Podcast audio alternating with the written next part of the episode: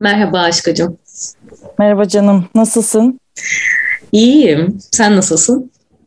Ben her sabah kafamda bir arabesk parça çalarken uyanıyorum. Her sabah farklı arabesk parçalar. Belki bugün konuşacağımız konuyu düşünürken de bu arabesk parçalara gelmiş olabilirim. Bugün umut ya da umutsuzluk mu desek? Yani bu ikisi arasında bir şeyleri konuşacağız herhalde. Evet ya aslında böyle bölümler için konuşurken artık benim şey diye isyan ettiğim bir an vardı. Ben çok ümitsizim artık ya yeter vallahi ekonomi konuştukça böyle darlanıyorum falan dediğim ve Hazal'ın da durup o zaman ümitsizlik konuşalım dediği bir an var. Bu bölüm biraz oradan çıktı. Bana umutsuzluk dendiği zaman ilk olarak bayağı yine güncel durumdaki insanlar, etrafımdaki kişiler hem de yani bu insanlar politik olarak aslında aktif de olan, politik olarak muhalif düşüncelere sahip olan, devrimci düşüncelere sahip olan insanlarda bile bir umutsuzluk var. Belki bu şimdi yavaş yavaş siliniyor olabilir ama bütün bu 20 yıl boyunca üstümüze yüklenmiş bir şey, bir ölü toprağı derler ya onun gibi bir şey. Çünkü bu iktidar gitmez. Bu halk salak ve bunlara oy vermeye devam ediyorlar. Bunlarda hırsızlık, haksızlık, gücü kötü kullanma gibi şeylere de devam edecekler. E o zaman biz de ne yapalım? Kendi küçük hayatlarımıza dönelim, ses çıkarmayalım gibi. Hani ümitsizliğin burada pasifize edici bir yanı var aslında. Daha belki ümitsizlik genel olarak pasifize edici bir şey bile diyebiliriz. Evet yani bundan da aslında faydalanıyor da olabilirler yani ümitsizlik havası iktidarların işine de geliyor olabilir. Yani bu yalnızca bu coğrafyadaki herhangi bir X partisi için değil de genel olarak bütün iktidarlıkların, işte Trump'ların işine gelen bir his. Çünkü dediğim gibi pasifize ediyor, insanları eylemsiz kılıyor ve bu da yine bir alan yaratıyor insanların kendi istedikleri şekilde işleri yürütebilmeleri için. Bir de öyle büyük bir güç ki yani sen onun karşısında kendini küçücük bir şey gibi hissediyorsun. Ama burada şunu görmek için sanırım umut gerekiyor. Bir araya gelebiliriz ve daha güçlü olabiliriz görmek için ufak bile olsa bir kırıntı gerekiyor yani umut kırıntısı gerekiyor. Sanırım bu da genelde çöküş dönemlerinde değil de çöküşten biraz çıkıldığı zaman bir birazcık umut başladığı zaman insanlarda sokağa dökülme, bir araya gelme, artık örgütlenme falan gibi durumlar ortaya çıkıyor diyeyim. Evet bir de şey umutun mesela sözcük anlamına da baktığın zaman Farsçadan gelen bir sözcük ve beklenti anlamı içeren bir sözcükten geliyor. Emet, ummet sözcüğünden geliyor. Bu da aslında insanların tam böyle ümit etmeye, bir şeyler beklemeye, daha olumlu bakmaya yakın olduğu dönemlerde ortaya çıkması bu hissin aslında çok normal. Ben birazcık konuyu dışarıya çekip daha edebi eserlerdeki, resimdeki, yani sanattaki umut temasına birazcık bakmak istiyorum. Bu, yani bu tema niye bu kadar çok var? Niye bir, bir sürü kitabın, romanın, işte resmin içeriğinde umut görüyoruz? Biraz bunu konuşmak ve nerelerde nasıl tezahürlerine rastlıyoruz umudun bunu açığa çıkartmak istiyorum. Ya öncelikle çok fazla görmemizin bence sebeplerinden bir tanesi hepimizin hay- hayatında kocaman bir belirsizlik var. Bu da gelecek. Ne olacağını hiç bilmiyoruz. Ne ekonomik olarak ne sağlık olarak yani çok öngörülemez bir şey önümüzdeki 10 dakika bile. Ve tam olarak da bu yüzden umut bize konforlu bir düşünce alanı sunup bizden bu endişeleri alıyor. Yani bizi ferahlatıyor, bizi rahatlatıyor, konforlu bir his. Bu yüzden de umut çok fazla sanat eserinde rastladığımız bir şey. Çünkü insanlara şifalı gelen bir şey umut his olarak. Ee, ama tabii bu hep her zaman işte Anne Frank'ın romanını okuyup onun o dolabın arkasındaki, kitaplığın arkasındaki küçük odadan ailesiyle birlikte özgürlüğe yürümesini hayal etmek değil. Benim daha karanlık olan yerlerdeki umuda bakmak gibi bir niyetim de var. Ve işte distopyalar mesela ilgi alanıma girdiği için oradaki umut kavramı beni çok etkiliyor. Çünkü yaşadığım ülkenin de şu anda gerçekten bir distopya olduğunu düşünüyorum.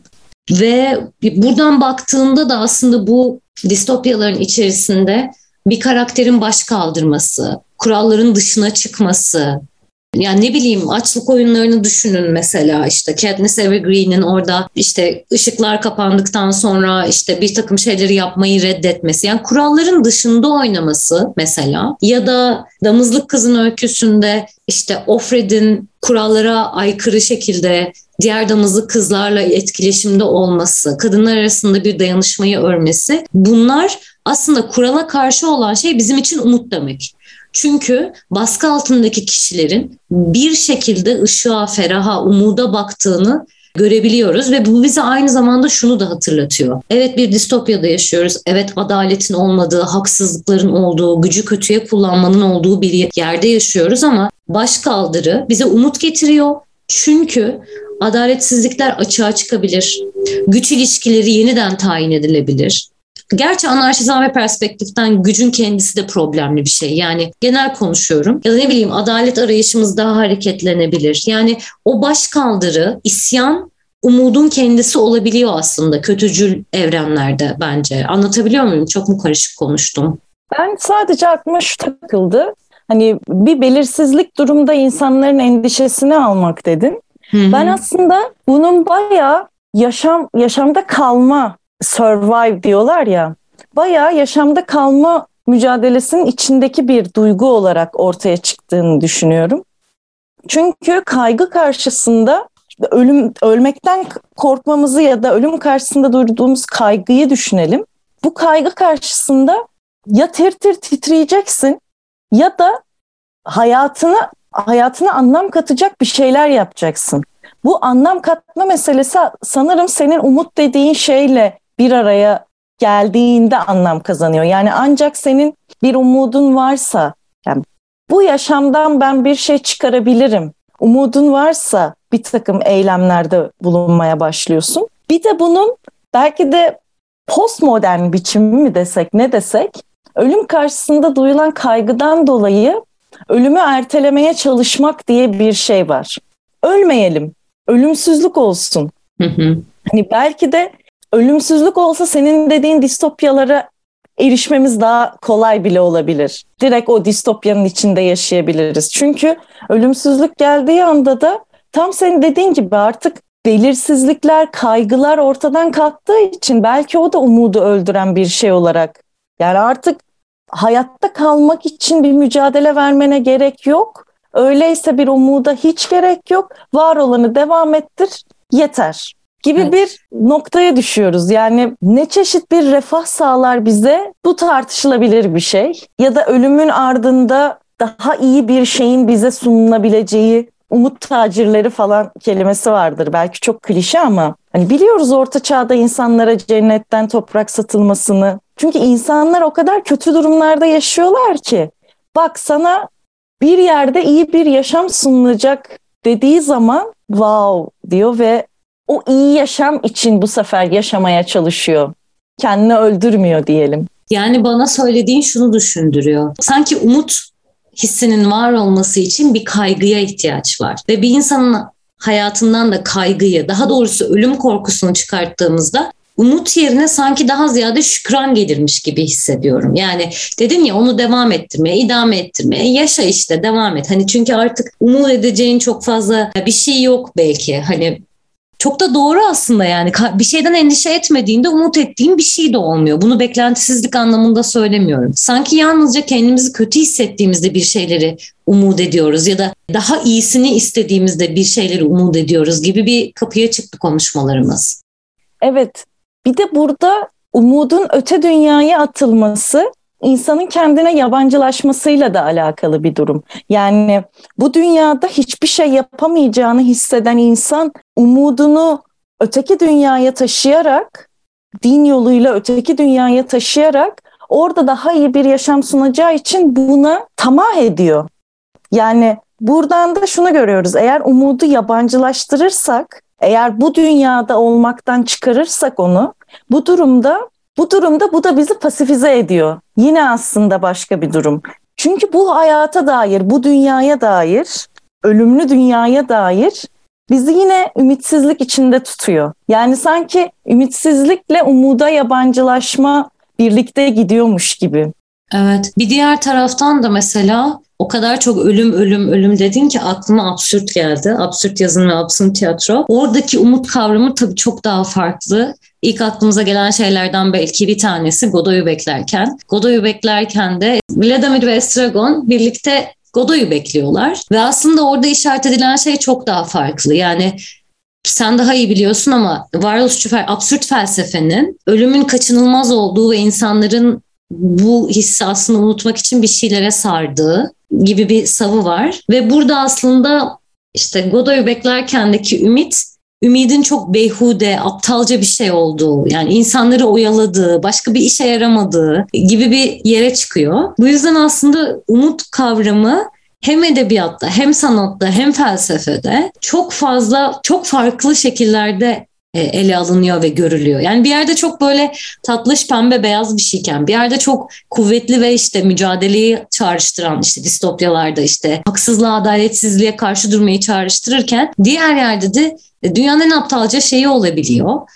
Çünkü bir yerde de mesela bir karakterin ümitsiz olması ya kendini tüketecek ve bitirecek ve işte intihara sürükleyecek ya da başarısız bir karakter olarak hayatına devam edecek ya da bu hissi yenecek ve işte küllerinden doğacak ve işte çok ümitli ve çok başarılı ya da mücadele etmeyi öğrenmiş biri olarak hayatına devam edecek. Ben mesela bu absürtte girmen güzel oldu. Mesela absürtte o dalga geçilen ya da kötü gösterilen, aptalca gösterilen diyeyim umut aslında yine demin bahsettiğim o yabancılaşmış umuda sanki daha çok saçma gözüyle bakıyorlar. Yani çünkü orada Godo yok ve bekliyorlar ya. Hı hı. Sen olmayan bir şeyi beklediğin zaman aptal durumuna düşüyorsun. Öyle bir şeyin olduğunu düşünüyorsan çıkıp aramaktır değil mi umut? Aktif olmaktır. Aktif olarak onu merak etmektir. Ya da ya bir dakika ya benim hayatımda iyi şeyler olması için yukarıdan bir işte değnek gelmesine gerek yok gibi bir şeye belki bakılması için de absürt bu kadar sert eleştiriyordur orada boş umudu diyeyim. Umut kavramını yine dönüp dolaşıp bağladığımız yerlerden bir diğeri de inanç, din ve tanrı herhalde yani. Bu metafizik şeye çok bağlıyoruz, bu spiritüel şeye çok bağlıyoruz. Çünkü orada Godoy'u tariflemen de bence çok doğru. Çünkü tanrıyı bekliyorlar ve hep bir bekliyorlar. Yine senin sözüne geri dönüyorum. Yine pasifize eden, yine yöneten, kontrol altında tutan bir şey haline gelmiş oluyor ümit ve ümitsizlik kavramları. Peki iki tane eğitim almaya çalışan, tez yazmaya çalışan, kendini bir şekilde akademide var etmeye çalışan insanlar olacak. Akademideki umutsuzluklarımız, ümitsizliklerimiz neler? Ekonomik olarak yaşadığımız bu coğrafyaya özgü ya da özgü olmayan şeyler neler? Birazcık bunları açalım. Çok entel dantel konuştuk. Birazcık da meselenin bizim hayatlarımızdaki politik alanda nasıl yere bir tekabül ettiğine bakalım. Yani ben zaten yüzde yirmisini akademiye ayırdığım için biliyorsun. bu yüzde yirminin de bir şekilde hayatımı devam ettirecek bir kazanç vermesi de bekliyorum bana. Çok basit bir şekilde hayatın ekonomiyle döndüğünü düşünürsek yani yiyecek içecek almak falan gibi. Ben akademinin bana kattığı umutsuzluğun KHK'larla başladığını düşünüyorum. Hocalarım haksız yere barışı savundukları için okuldan ihraç edildiklerinde ve bunun arkasındaki o pis işleyişi gördüğüm zaman bana akademide yer yok dedim ben içimden. Çünkü ben biliyorum ki orada biri kayrılıyorsa, birini tanıdık yoluyla almaya çalışıyorlarsa ben buna işaret edeceğim ve bu konu hakkında bir bir konuşacağım. Ya da bir haksızlık gördüğüm zaman mobbing, taciz, tecavüz, şiddet bu tarz şeyler gördüğüm zaman konuşacağım, ses çıkaracağım ve bunların kimlere dokunacağını tahmin edemeyeceğim için çünkü planlı eylemeyeceğim o sırada. Bunlar benim yine akademiden atılacağım anlamına geliyor. E, neyin içinde kalacağım o zaman ben? Neyin içinde bu artık bilgi üretimi diyeceğim. Çok üzgünüm ama bu kelimeye getirilen neyin içinde ben bilgi üreteceğim? Neyi sorgulayacağım? yine yüzde sekseni çalışıyor sisteme ya. Böyle evet. hani ama bir yandan başka çaren de yok Hazal. Yani lisans yapmışsın, yüksek lisans yapmışsın, işte doktora yapıyorsun. Hani hayatının 15 senesi gerçekten orayı kullanmaya gitmiş ve yani bu saatten sonra çıkıp bir özel şirkette yönetici asistanlığı yapabilirsin ya da sıfırdan bir şey olamazsın artık. Hani ya ben ben böyle hissediyorum en azından. Şunu da istemiyorum. Hani istememek başka bir şey. Bu kadar eğitim almış olmamız, sevdiğimiz alanlarda bir şey eylemeye çalış. Bunları boş ver. Sadece hayatını idame ettirmek açısından bir şey yapmaya kalk. Bundan başka iş bilmiyorum ki. Yani ben bu bundan başka bir şey ne biliyorum ki? Sıfırdan başlamam gerekiyor. Ve neden bunu ben düşünüyorum? Yani neden üzerine eğitim aldığım zaman emek verdiğim yerde kadro çıkması için dayımın olması gerekiyor. Yani dayısızlık çaresizlik midir? Dayısızlık eşit, eşittir umutsuzluk mudur? Dayımız olsa böyle mi olurdu demek zorunda kalıyorsun. Bu da çok ümitsiz hissettiren bir durum. Çünkü artık sistemin geldiği nokta dayısızlığın bayağı hiç sahibi olmak demek ya da kaybolmuş bir kişi olmak demek demek olduğu bir yerde yaşıyoruz. Bu sadece Türkiye için geçerli değil bu arada. Yani biraz dünyaya baktığımızda da bir sürü insan yahu ben akademinin içindeyim ama ne yapacağım? Çünkü çoğu kişi özellikle şu an koltuklarda olanlar bunu bir konfor alanı haline getirdikleri için orayı bırakmama, hatta o ellerindeki gücü kötüye kullanma gibi şeyler yapıyorlar. Yani sen kötü ve senin emeğini çalan bir hocayla karşılaştığın zaman da buna dair bir söylem üretemediğinde, bir şey yapamadığın zaman umutsuzluğa düşman kadar bence doğal bir şey yok. Yani eşyanın tabiatı bu diyeceğim daha doğrusu.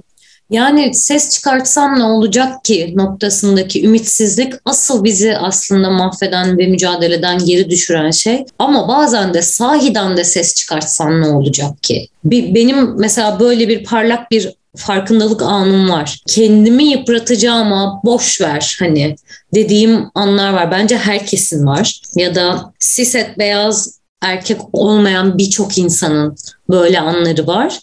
Çünkü gerçekten bazen Belitha Bird'ün çok güzel bir sözü var. Bazen uygun olana kadar feminizmimi cebimde tutuyorum diyor. Çünkü bazen gerçekten cebinde tutman gerekiyor. Yani o yalnızlık hissi, ümitsizlik hissi. Ya şimdi burada bu konuyu açacağım hani misgender etti ama ya da işte şu meseleyi dedi ama şimdi vallahi mecalim yok şu anda boş ver anlatsam ne olacak dediğin an aslında en büyük adaletsiz an yani. En büyük adaletsizlik dinamiğini yarattığımız an ama bir noktadan da kendimizi salim tutmak zorundayız yani.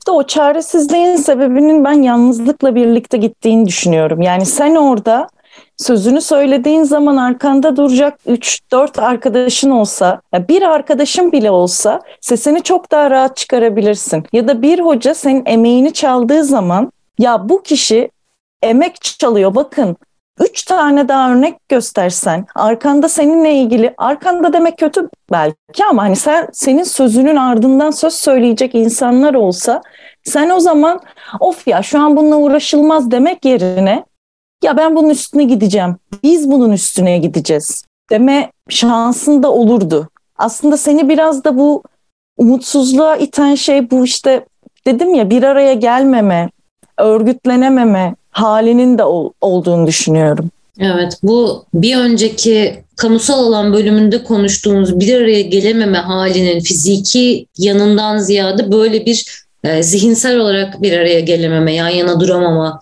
gibi bir hali de var kesinlikle umutsuzluğun. Peki her markete gittiğimizde yaşadığımız umutsuz, ümitsizliğe ne yapacağız? Ekonomik çaresizlik hissi ve sıkışmışlık hissi ve her yarım saatlik muhabbetimizin sonunda bir şekilde meselenin ekonomiye gelmesi ve başka ülkelerdeki insanların hayatlarına gelmesi bu ümitsizliğe ne yapacağız?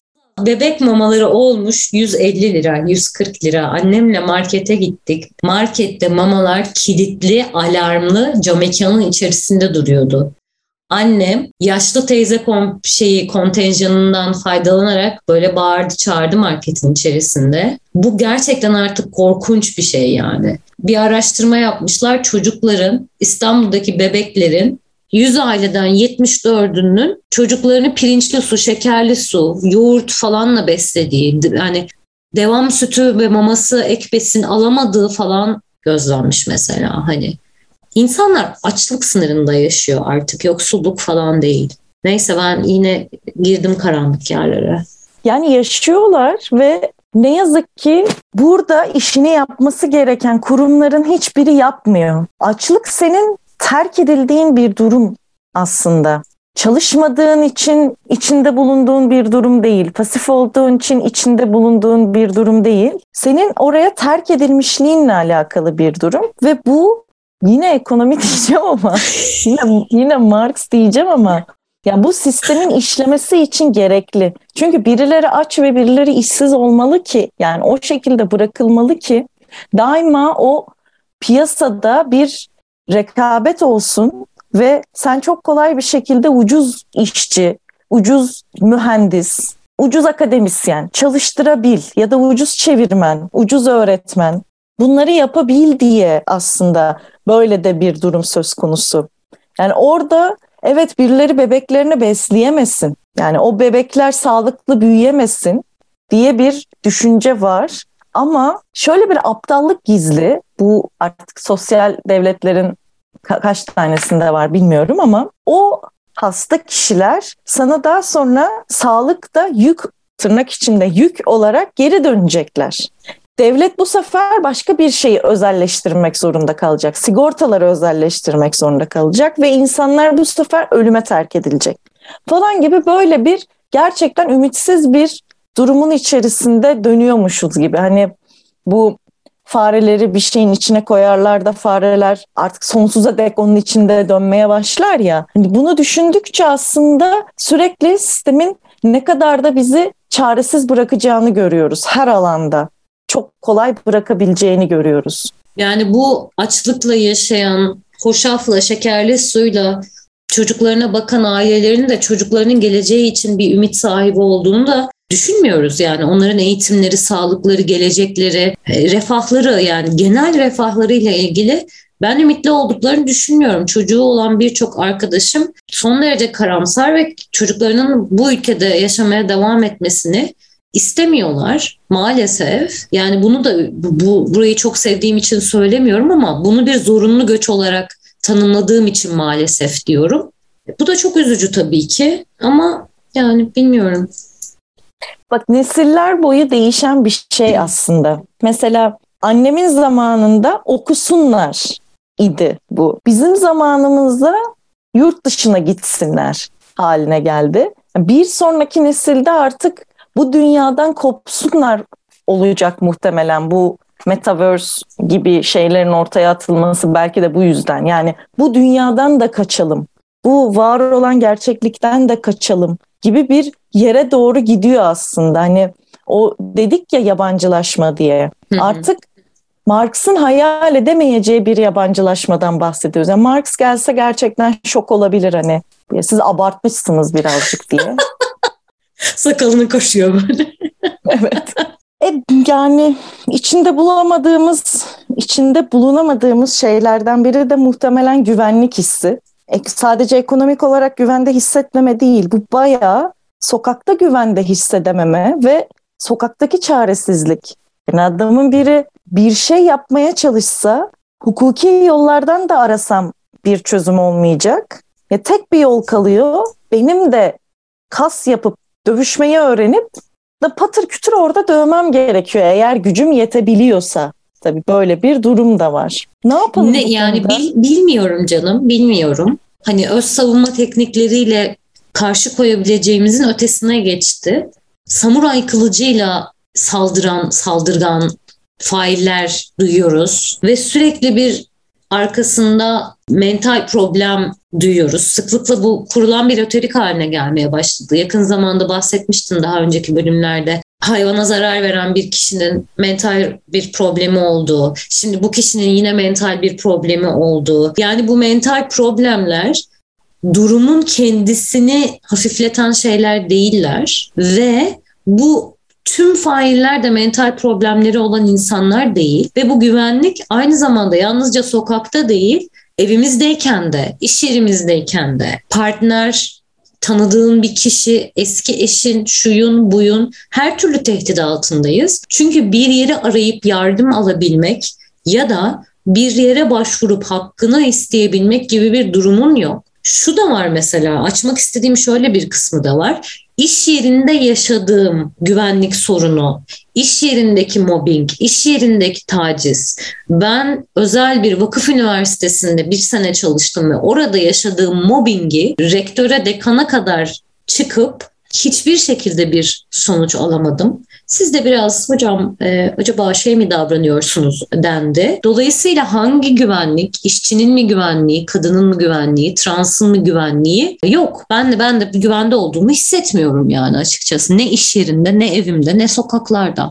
Ve işin kötü tarafı güvende hissedebileceğim bir dünyanın mümkün olduğunu bile artık düşünmemeye başladım. Çünkü sürekli şöyle bir his var. Dünya kötüye gidiyor. Hatırladığım kadarıyla Sümerlerden bulunan bir yazıtlarda bile yeni nesil çok kötü, dünya kötüye gidiyor falan gibi bir şey yazılıymış. Ne kadar uzun zamandır dünyanın kötüye gittiğini sadece tahmin edebiliyoruz. Burada herhalde yine ben örgütlenmeye çıkacağım.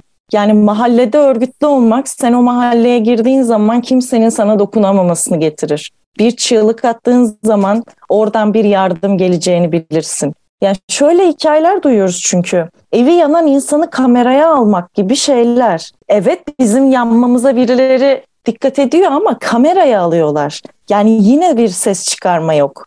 Kamerayı alıp sosyal medyada paylaşmak ve belki 100 izleyici, 1000 izleyiciye ulaşmak falan oradaki amaç. Yani kişilerden de bir şey bekleyemez hale geldiğimiz için de biraz ciddi anlamda güvenlik konusunda da umutsuzuz. Bu bölüm çok böyle olumlu şeylerden konuşamadık ama zaten meselenin kendisi çok olumlu bir mesele değil ve bizim nasıl hissettiğimizle de alakalı konuyu konuşma biçimimiz. Ama sanırım bir güzel haber verebilirim. Verebilir miyim? Ver. Mahallede elinizi tutan insanlar gibi polide de elinizi tutan insanlar olabiliyor. Çok yakında bizim çok sevdiğimiz, hatta şu anda yayında olabilir. Biz bu bölümü çekerken hazırlanmaya devam ediyor. Bir blogspot hesabı açıyor bize sevgili Boracığımız. Bora Şahin Kara. Ee, orada bölümlerimizin özetleri, görsellerimiz, konuşma planlarımız gibi bir sürü şey yer alacak ve bölümlerde yayınlamadığımız ek içerikler belki koyulacak. Zamanla orayı güncellemeye devam edeceğiz. Bunun için çok heyecanlıyız ve Bora bizimle emeğini paylaştığı için de çok mutluyuz. Bora'ya teşekkürler. Tamam hadi git artık Hazal. Tamam toparladık herhalde. Hadi hadi öpüyorum. Bay bay.